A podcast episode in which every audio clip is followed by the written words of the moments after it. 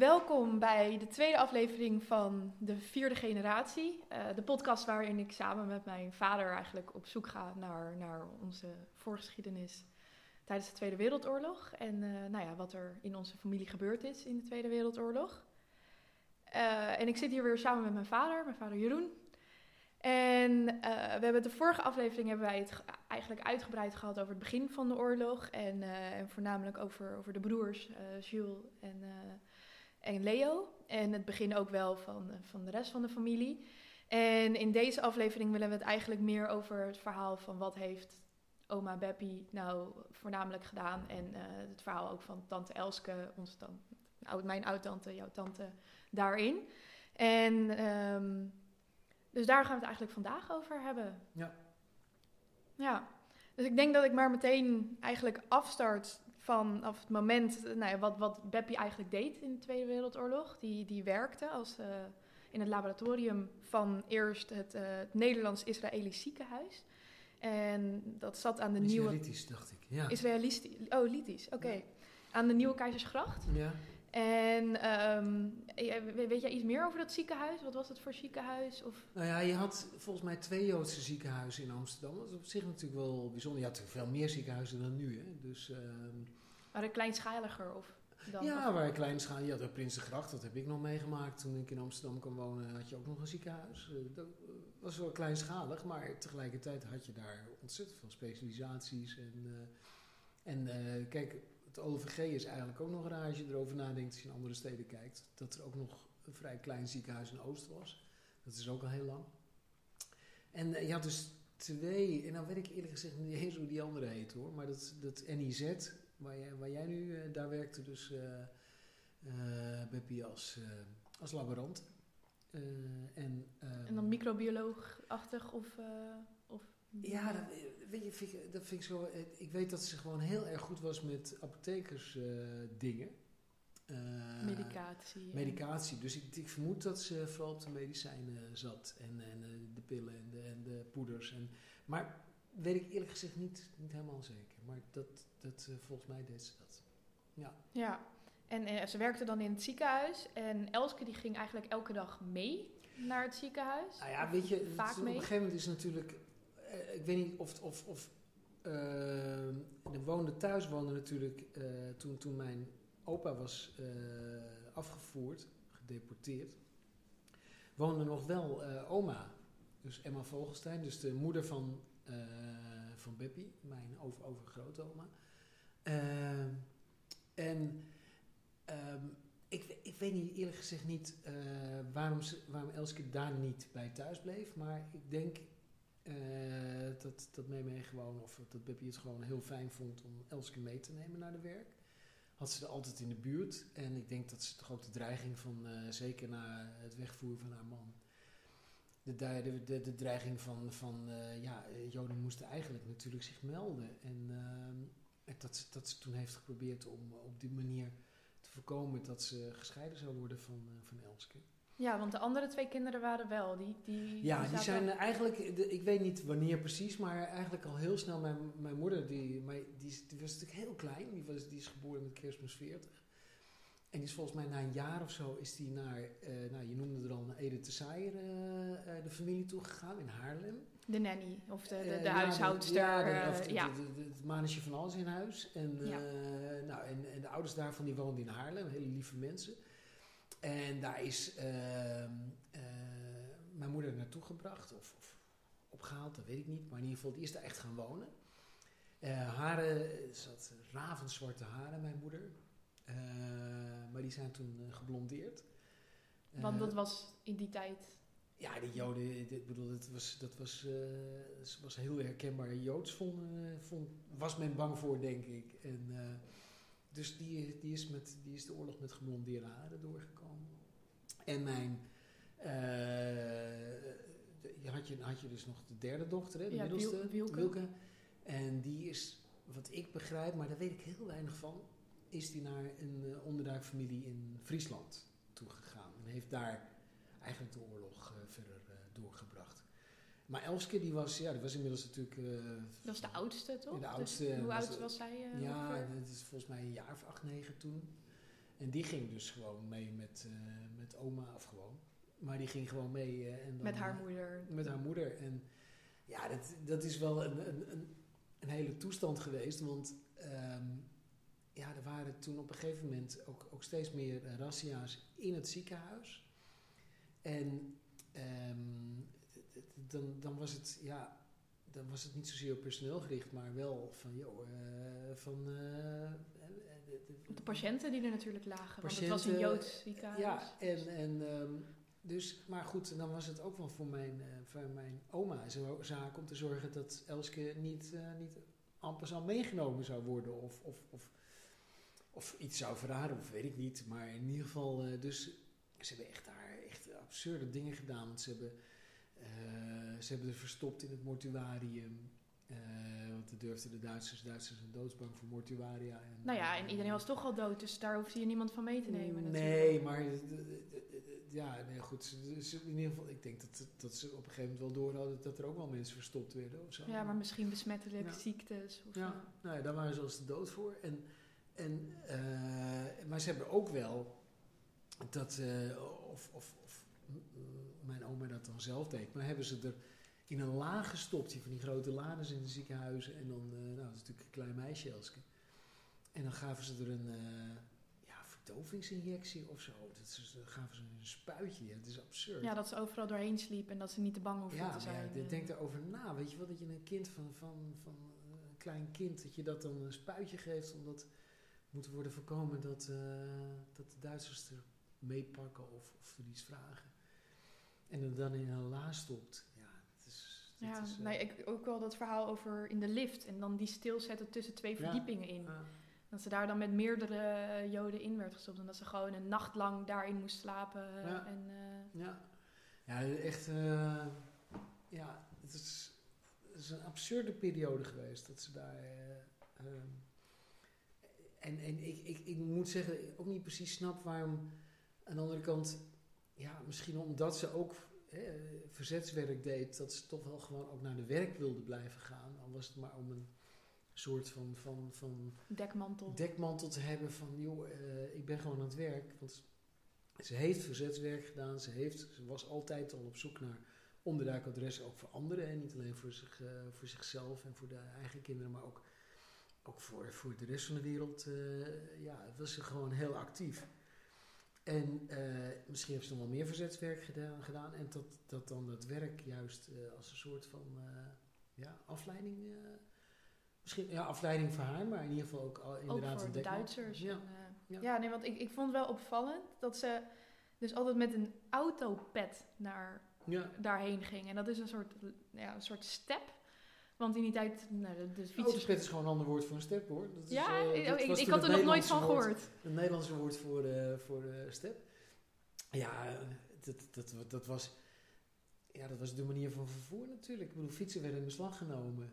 Je, dit- dit- dit- je had ook die rubberbanden en dus het was De houten banden, toch? houten banden. Ja, op een gegeven moment was er niks meer natuurlijk. Dus Nee. eh, dat was allemaal heel ingewikkeld. En dan is zo'n step misschien niet eens zo'n slecht idee. Dus eh, er werd heel veel gestept. eh en, en ja, ik bedoel, het, ik weet niet of die Duitsers dat bij konden houden. Maar dat, eh, ja, in, in beslag genomen werden die dingen natuurlijk ook niet. Want wat had je daar nou aan in Duitsland of, of, of, of waar dan ook. Dus ja, ik vond het wel een mooie alternatieve manier van vervoer. Ja, en ook nog een, een snellere manier, want ze mochten dan ook niet door het Vondelpark. Want Nee. ze gingen dan nou, vanuit Zuid, waar ze woonden, naar Nieuwe Keizersgracht, moesten ze er omheen. Ja, En eh, wel Ja, een beetje de met... parken waren verboden voor Joden. Ja, de parken waren verboden voor Joden. En dan wel ook met Jodenster op. En het, het mooiste wat ik daar eigenlijk aan vond, is dat ze zei, ehm, of Elske die zei dan, zat een Jodenster op en die had ze dan nog een soort van blouseje, was dan daarop genaaid. En dan kon ze elke keer dat over truien en jassen en zo heen aandoen. En daar, dan hoefde ze dat niet te wassen, want de Jodenster die gaf ontzettend af. Dus er zat overal elke keer gele vlekken op zitten. En eh, ze schaamde zich ook verschrikkelijk. Dus ze had altijd een boek bij zich. En dat boek dat hield ze er dan altijd voor, zodat, nou ja, zodat ze dat kon verbergen. Dus je eigenlijk natuurlijk dat enorme... dat je als kind eigenlijk gewoon normaal wil zijn... en je hebt zo'n stempel letterlijk op je gedrukt... en dan kan je niet normaal zijn en dan ga je dat dus verbergen. Ja. En dat vond ik ook wel toch heel belangrijk om wel even te Ja, benoemen. tuurlijk, Want ja. het is echt wel een heel, heel... Het gewoon ook een, een, een klein meisje is wat, wat, wat groter wordt en, en, en er mooi uit wil zien. En, eh, ja. Ja, en dan die met zo'n ding te maken heeft. En dan Ja. Misschien niet iets van, van uiterlijk waar ze zich zorgen om maakt, maar wel zo'n ding wat, wat haar natuurlijk meteen anders maakt dan anderen. Ja.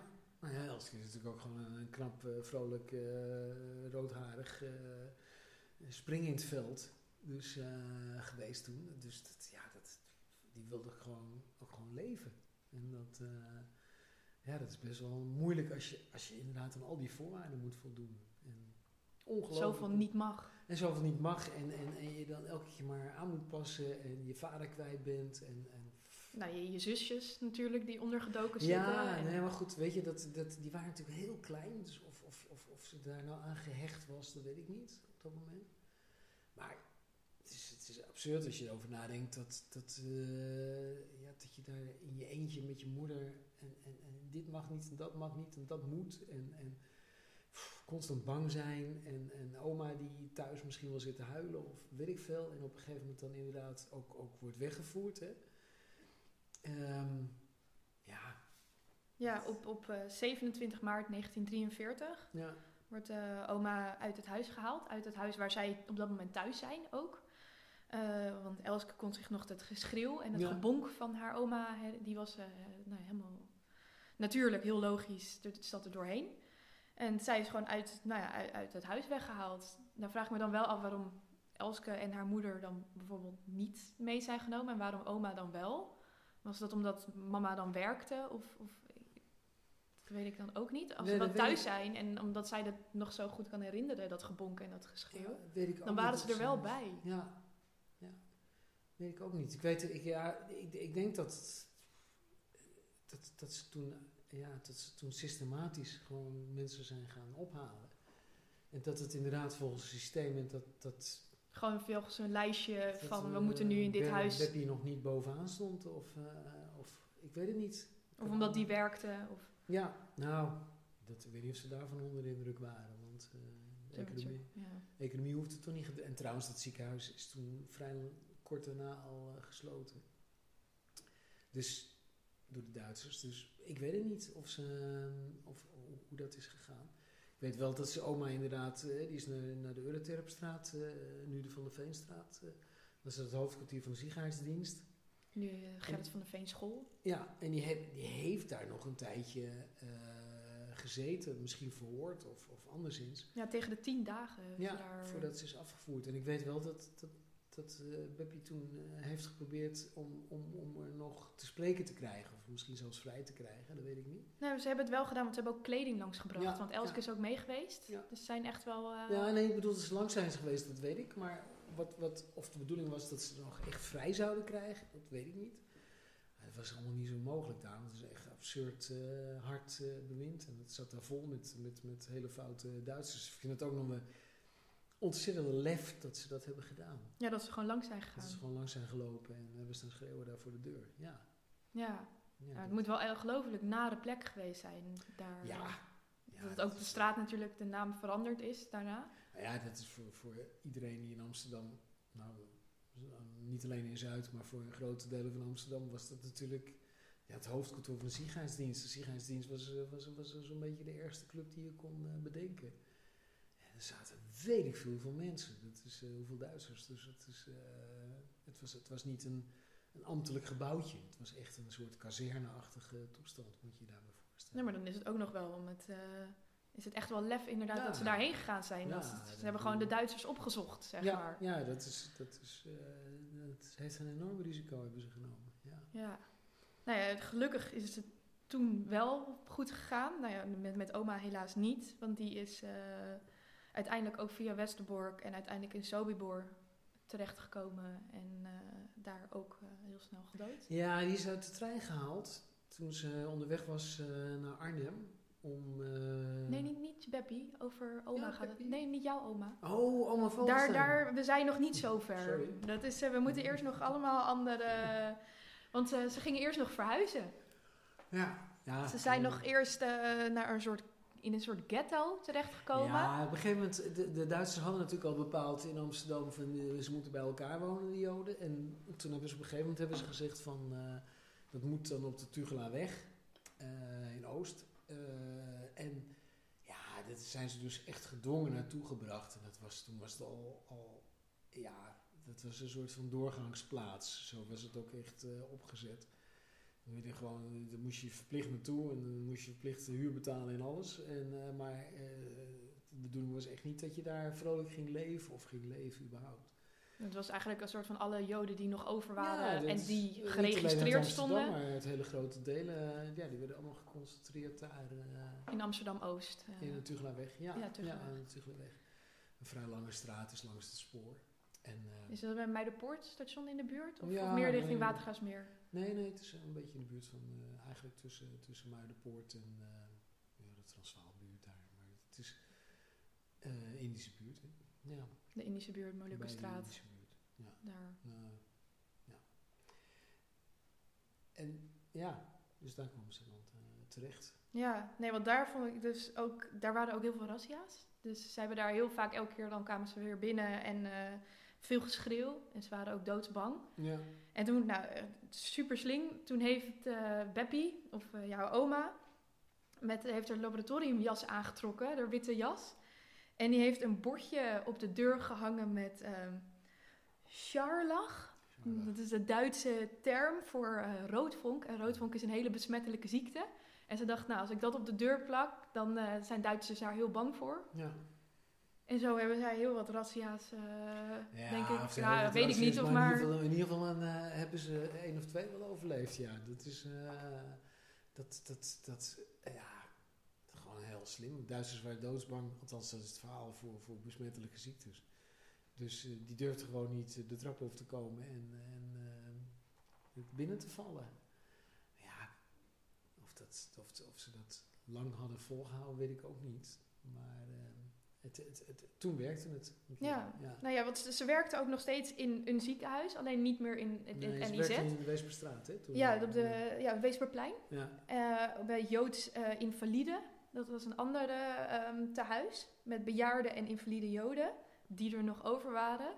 Want eh, nou ja, dat, ehm, het NIZ dat is, dat is gesloten door de Duitsers en daarbij is iedereen afgevoerd.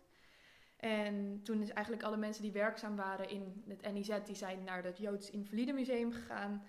Geen museum, ziekenhuis. over een museum, ziekenhuis, sorry, Ja. excuus. Eh, en, eh, maar ook dit is uiteindelijk eh, ontruimd. En ook in 1943. En alle bewoners zijn daar weggehaald. En allemaal doorgevoerd naar Sobibor. En niemand is daar van teruggekomen. Dus dat is ook... als je over nadenkt dat gewoon een heel ziekenhuis even leeggehaald wordt. Mhm. En, eh, Ja. en daarvoor al een ander ziekenhuis. Dat is natuurlijk absurd dat je daar op die manier. eh, dat je ook weet dat er niemand meer terugkomt. En nou ja, de, eigenlijk een beetje verantwoordelijk daarvoor was, was een bepa- bepaalde man. En die noemde Elske ook eh, expliciet. Funten, ja. De verantwoordelijke voor de deportatie van alle Joden, voornamelijk in Amsterdam. En Mhm. jij vertelde ook nog dat iets over Breda daarover. Over de, Nou ja, dat is, Auster, Auster Funten is een vrij bekende, eh, voor, voor, omdat hij eh, na de oorlog eh, was hij eerst een van de vier van Breda. Dus Nederland heeft een deel van de oorlogsmisdadigers hebben ze zelf dan. En deze man die, die, die ja, dat vond Nederland dat hij die zelf moest berechten. Hij is ter, ter dood veroordeeld. Nou, dat werd niet uitgevoerd meer toen. Dus hij kwam in, in de koepelgevangenis in Breda terecht. En op een gegeven moment toen verdween, verdwenen daar de gewone gevangenen. En toen bleven die, alleen die oorlogsmisdadigers over. Eh, toen stierf er een van die oorlogsmisdadigers. En toen werd het drie van Breda. toen werden er drie van Breda. Nou, die hebben volgens mij nog heel lang geleefd. En toen op een gegeven moment ze zoiets van, ja, die, die gevangenis waren andere plannen voor of andere ideeën. En, en, en vond het ook wel, wel nou ja, goed. Eh, na al die jaren wel logisch. Dus toen is in 89 is, volgens mij of iets eerder, is, is die, eh, na een eindeloze discussie waar de kranten van vol stonden, maar is die oude Oosterfunter dus vrijgelaten. En die is uiteindelijk vrij gestorven. Dus eh, ja.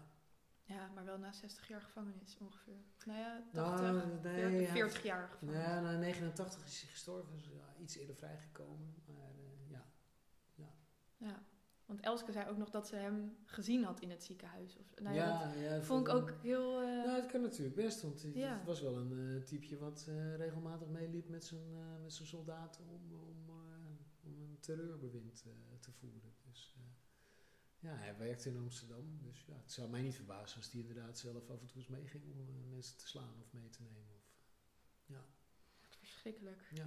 Ja, nou en, en dan komen we eigenlijk bij, nou ja, wat je, wat je net al zei, over eh 5 april 1944 eh, werd Beppie opgepakt in de trein. ja, En eh, dat was op het moment, op het moment dat ze samen met een vriendin was naar, op, op zoek naar nieuwe onderduikadressen. En ook plekken van, nou ja, waar ze eventueel kinderen zouden kunnen, kunnen plaatsen of andere mensen. ja. Ehm, en zo mensen kon verstoppen. En toen is zij nou, uit de trein geplukt. En uiteindelijk is ze via eh, Arnhem eh, en, en uiteindelijk naar Scheveningen gegaan. Ja, ze is in het Hotel Oranje, heette dat. dat is een goede naam. Voor, eh, dat was het, het, zeg maar, het gevangenishotel. Zit dat er nu nog steeds in Ja, de Scheveningen? strafgevangenis van Scheveningen. Ja, dat, nou ja, het is nu, er zitten nu een paar oorlogsmisdadigers uit, volgens mij het Joegoslavië-tribunaal. Dat heeft daar eh, mensen en, en ja, dat is Oh ja, maar dat is, is best wel hoge hekken. Dat is best wel groot ook, Ja, dat toch? is een enorm complex. Ja. Ja, en dat was toen was dat. eh, maar de, dat, wat wel opvallend is, is dat, eh, dat daar eigenlijk vooral verzetstrijders zaten. Ehm, wat mij dus sterkte in het idee van dat mijn oma behoorlijk in het verzet eh, actief was. Ehm, want ja, mensen die alleen maar Joods waren of zijn, die, die, werden, ehm, ja, die werden vaak eh, naar Westerbork of Amersfoort of, of Vught en dan doorgetransporteerd naar Duitsland. Maar eh, zij is toen, eh, nou, ze heeft nog een paar maanden in, in, in, zeg maar in Scheveningen doorgebracht. Wat ook geen lolletje was hoor. Ja, vier maanden. ja, vier maanden, dus best wel echt, lang. een- En, echt een lange tijd. is dan één briefje bekend, hè? Dat, dat heb je denk ik ook wel eh, van dat ze, dat ze dat schrijft aan haar neef, Frits Elsas. Dat was een eh, behoorlijk belangrijke Joodse man die gedeeltelijk gecollaboreerd heeft, gedeeltelijk verzet heeft gepleegd. Er zijn ook interessante verhalen over te vertellen in Utrecht. Maar goed, er is een neef eh, waar ik verder helemaal niks van af weet. Maar dat heeft ze dus wel een, een, een briefje of twee briefjes samengeschreven. Dat ze op een gegeven moment, als het koud heeft en... eh, eh, wat wel een opmerking was voor mijn oma, want volgens mij klaagde die nooit. Maar, Dan eh, moet ze het wel echt koud ja, die, hebben. die moet echt dramatisch zijn geweest. Of het is een code geweest, dat ik ook. Maar in ieder geval, eh, ze zat daar in, in Scheveningen. Dus voordat ze dan uiteindelijk naar, eh, naar Duitsland is eh, getransporteerd. Ja, want daar, daar is het ook een beetje... Dan wordt het een beetje vaag. Ja. Van waar, want ze heeft in meerdere kampen gezeten. Ja, En ehm, ja, wat in Westerbork sowieso ook. En daarna is het doorgevoerd naar... Nou, Auschwitz denken we. Ja, En, maar is, daar is geen enkel eh, bewijs van. Maar ehm, nou ja, behalve... Ja, behalve dat ze natuurlijk op de, eh, dus een brandmerk eh, op de armen heeft, had. En ehm, En dat wordt alleen gedaan in... ja, ik dacht altijd dat meer concentratiekampen dat hebben gedaan. Maar ik begrijp dat dat alleen in, eh, in Auschwitz is gedaan. Dus dan Eh, moet ze daar wel... Ja, dus dan heeft ze daar gezeten. Maar ik weet dus niet hoe lang. Ik weet wel dat ze daarna, eh, en dat staat echt vast, eh, in Bergen-Belsen terecht is gekomen. Waar ze dus eh, onder andere eh, samen zat met, met Anne en eh, Margot Frank. Anne en de zusje Margot. Ehm, en dat ze daar, eh, nou behoorlijk zoals eigenlijk bijna alle mensen daar, eh eh, tyfus heeft opgelopen, vlektyfus. Dus eh, behoorlijk eh nare infectieziekte. Waar ook aan, uiteindelijk Anne en de zus aan overleden ja, zijn, dat is waarschijnlijk. het verhaal. Ja, Ja, dat is het verhaal, ja. En nou ja, daarna krijg je nog een hele duistere periode dat ze... op een gegeven moment hebben ze, eh, hadden de Duitsers om de oorlogsmachine, dat was inmiddels 1945, eh, om de oorlogsmachine toch gaande te houden, hebben de Duitsers toen ehm, eh, een, een, nou, hebben haar gedwongen, samen met, met 500 anderen of 500 vrouwen, hebben en meisjes, hebben ze gedwongen om te gaan werken in een, ja, dat noem je een Ausenlager, dus een soort bijkamp, een soort concentratiekamp, maar dan echt een werkkamp. In, in daar ben ik dan geweest. Dat is een, eh, eh, stadje in Oost-Duitsland. En een heel klein stadje. En dan had je een grote, heb je trouwens nog steeds, een groot bedrijf wat waarschijnlijk, ehm, ik kom er niet precies achter, maar vliegtuigmotoren eh, of vleugels maakte. En het verhaal wil dat, eh, die, dat ze gewoon hebben gezegd tegen Bergen-Belsen, jullie zorgen maar dat we 500 vrouwen hebben. Eh, en waarom dat dan vrouwen moesten zijn, maar het verhaal wil dat... Misschien fijne motoriek, kleine... nou, het, het verhaal wil dat, dat de binnenkant van die, van die, van die vleugels, eh, dat daar ook eh, een soort, soort van gaas in eh, zit. En dat je dat gaas moet worden gespannen met naalden. En nou ja, het is een totaal vaag verhaal. Ook mensen die zeggen dat ze alleen maar eten hebben gekookt voor de Duitsers, maar dat lijkt mij stug. Of voor, die, eh, voor de mensen die in die fabriek... eh, Ja, ik hoorde ook iets, ik las ook iets over wapens, dat ze misschien zelfs wapens... eh, Ja, dat zou ook kunnen. Ja. Ik, weet, ik weet wel dat, dat toen, toen Meme heeft, of, of oma heeft er niet zoveel over verteld aan Elske. Maar ik hoorde wel dat ze op een gegeven moment de boel hebben zitten saboteren. Dus dat ze nou weer andere dingen in elkaar aan het sleutelen zijn geweest dan dat de Duitsers wilden. Maar Dat je dat ook nog durft op zo'n moment, ja, hè? ja, dat je dat durft. Maar ja, het is, het is ook raar, want ze, je moet je dus voorstellen dat er waren twee barakken, die heb ik ook gezien, die zijn er nog steeds. Twee In barakken Lagoon, zeg maar. in Ragoon. En Ja. die, waar ze werden ondergebracht, eh, die 500 eh, meiden en, en vrouwen. Nou, eh, die waren aan de ene kant van het dorp. En dan heb je aan de andere kant van het dorp, aan de andere kant van de rivier ook, dan heb je dan het bedrijf, had je het bedrijf. En dan moesten ze, s ochtends moesten daar dus naartoe lopen. En s'avonds moesten ze weer teruglopen. En nou, een groot deel had of tyfus gehad, of had het nog steeds. Dus die, die liepen daar in een soort van dramatische, ehm, nare gang door dat, door dat achterlijke stadje heen. Ehm, en, en ja, het verhaal wil dat, dat die inwoners van het stadje eh, dan allemaal hun eh, rolluiken voor hun, eh, voor hun ramen deden als die eh, vrouwen langskwamen. 500, dat zijn er toch wel wat. Maar ook omdat het gewoon zo'n naar gezicht was. Of, Nou ja, of, of dat ze eh, niks van wilden weten, of omdat ze... eh, Bang waren voor de tyfus. Kan dat ook? Nou, Besmettelijke ziekte? eh, dat weet ik niet. Ik denk, ik denk dat het vooral hele nare mensen zijn die daar woonden. Ehm, maar ja, en dan, eh, en dan ging het weer terug. Maar ja, dit heeft maar heel kort geduurd. Want, eh, ik zei al, het is 1945. Februari is dat kampje open gegaan in Ragoon. En, eh, of althans, het was al een kampje, maar is het voor, is, is, zijn die, die 500 vrouwen, eh, waaronder onder wie nog behoorlijk wat Nederlanders, zijn er naartoe gebracht. En eh, in april hebben ze de boel weer, en toen stonden de Russen aan de ene kant, echt letterlijk, en de Amerikanen aan de andere kant. Eh, toen werd het in één keer strijdtoneel. En toen hadden die Duitsers iets van shit. En toen hebben ze de boel als een gek ontruimd. En eh, zo goed en zo kwaad als het ging. ehm, ja, we denken, omdat daar pal daarbij een station is, eh, hebben ze die, die vrouwen die het overleefd hadden. Er zijn er een paar om het leven gekomen in Ragoon. Maar die hebben ze in de trein gestopt. En op een dodenmars, want ze hebben ook stukken gelopen. Het kan niet dat die trein door is gereden naar Theresienstadt. Daar zijn ze uiteindelijk wel terechtgekomen. Het is in de buurt van Praag. Ja, dus in, in het huidige Tsjechië. En, en, ehm, ehm, maar ja, dat is een soort dodenmars geweest. En eh, toen onderweg is dus ook nog, in ieder geval van één iemand is bekend, omdat mijn oma daar later over getuigd heeft, eh, schriftelijk ook, ehm, is eh, Auguste van, van Pels, dus een van de onderduiksters uit, eh, uit het Anne Frankhuis.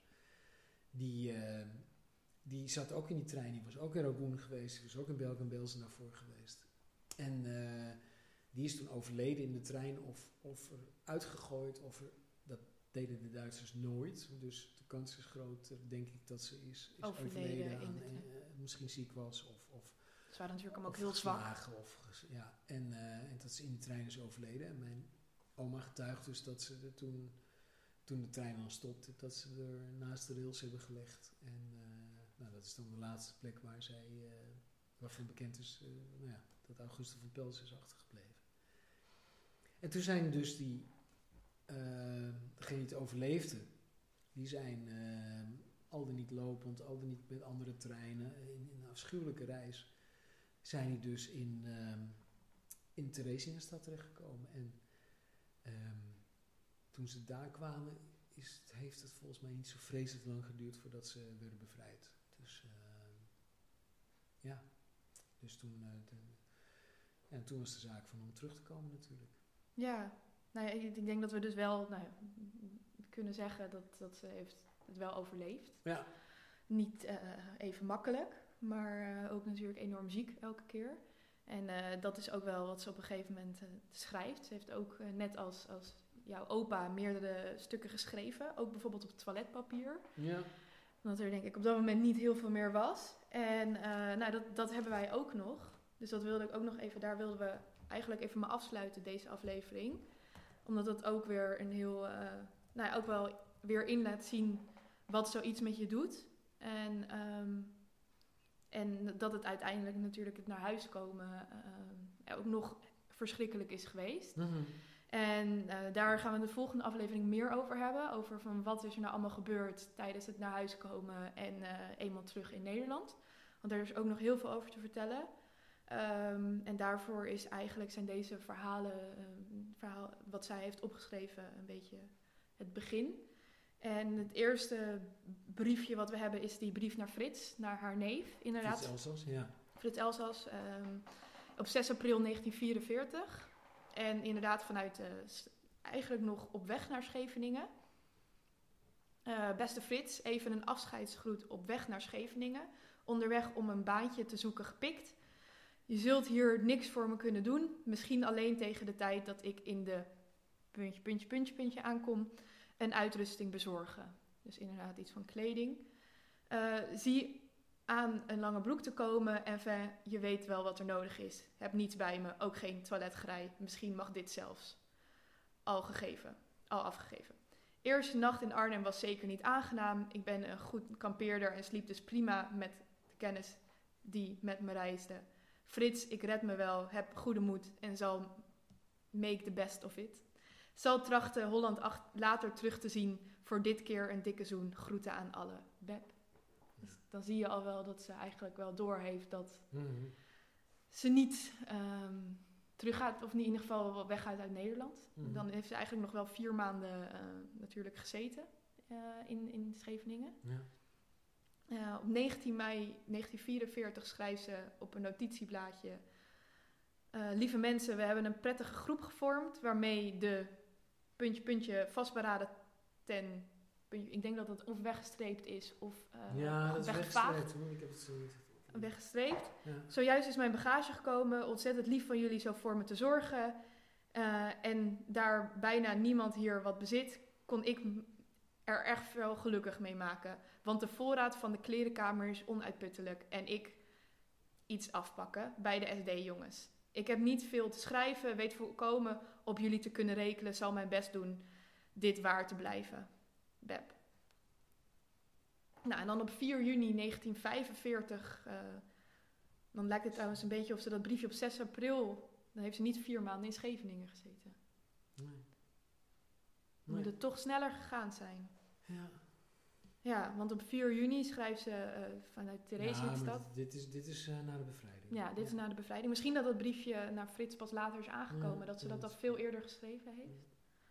Eh, maar in ieder geval 4 juni, lieve mensen plus Grut, Ja, Grut. Dat was... eh, kinderen denk ik. Dat zijn kinderen, hè? Ja.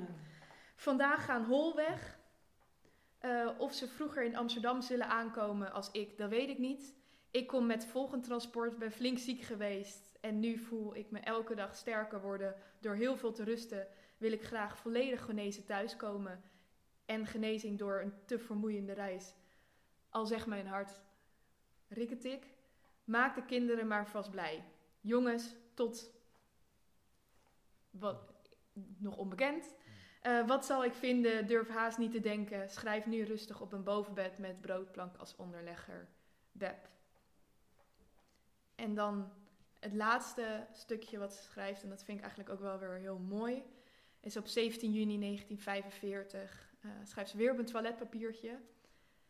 Ehm, beste mensen, we zijn nog steeds onderweg naar huis, stranden af en toe in krankzinnigste kloosters, onder andere in zeer landelijke omgeving. Nu is voor ons zieken het wachten op vliegmachines, Ja. de vliegtuigen denk ik in die tijd. Transport per vrachtauto is nog te vermoeiende reis, al zegt mijn hart, rikte ik. Lievers, ik verlang nu, maar ik weet dat het werkelijkheid zal worden. Verschrikkelijk naar jullie en begin nu eerst bang te worden wie wat en wat te vinden. Dag Pep. Ja, moet je nagaan hoe verzwakt ze, ontzettend zwak ze is geweest. En, en dat ze op die terugreis, dus ze, ze kon gewoon niet in, in een vrachtauto of wat dan ook, dan ze, had ze het niet overleefd. Dus eh, uiteindelijk denk ik dat ze een klein stuk, of een, ja, misschien wel een groter stuk, dan inderdaad in een, in een vliegtuigje is, eh, is, is teruggebracht naar Nederland. En wat wij ook nog trouwens eh, nog niet 1, 2, 3 eh, zijn dochters eh, kon terugzien. Maar goed, daarover de volgende keer. Maar ja, het is, het is een absurde terugreis ook geweest. Ja, het is, het is allemaal niet zo op het moment dat de oorlog voorbij is. niet, eh, nee, nee, nee. niet, Ja, nee, nou, en, en dan denk ik dat we de volgende keer ook, eh nou, Elske die heeft namelijk ook nog eh, op Ja. verschillende plekken gezeten in Nederland tijdens de oorlog. Op Ja. het moment dat haar moeder werd afgevoerd. En dat is ook iets voor de volgende aflevering. Ja. Eh, dus bedankt weer voor het luisteren en tot de volgende keer.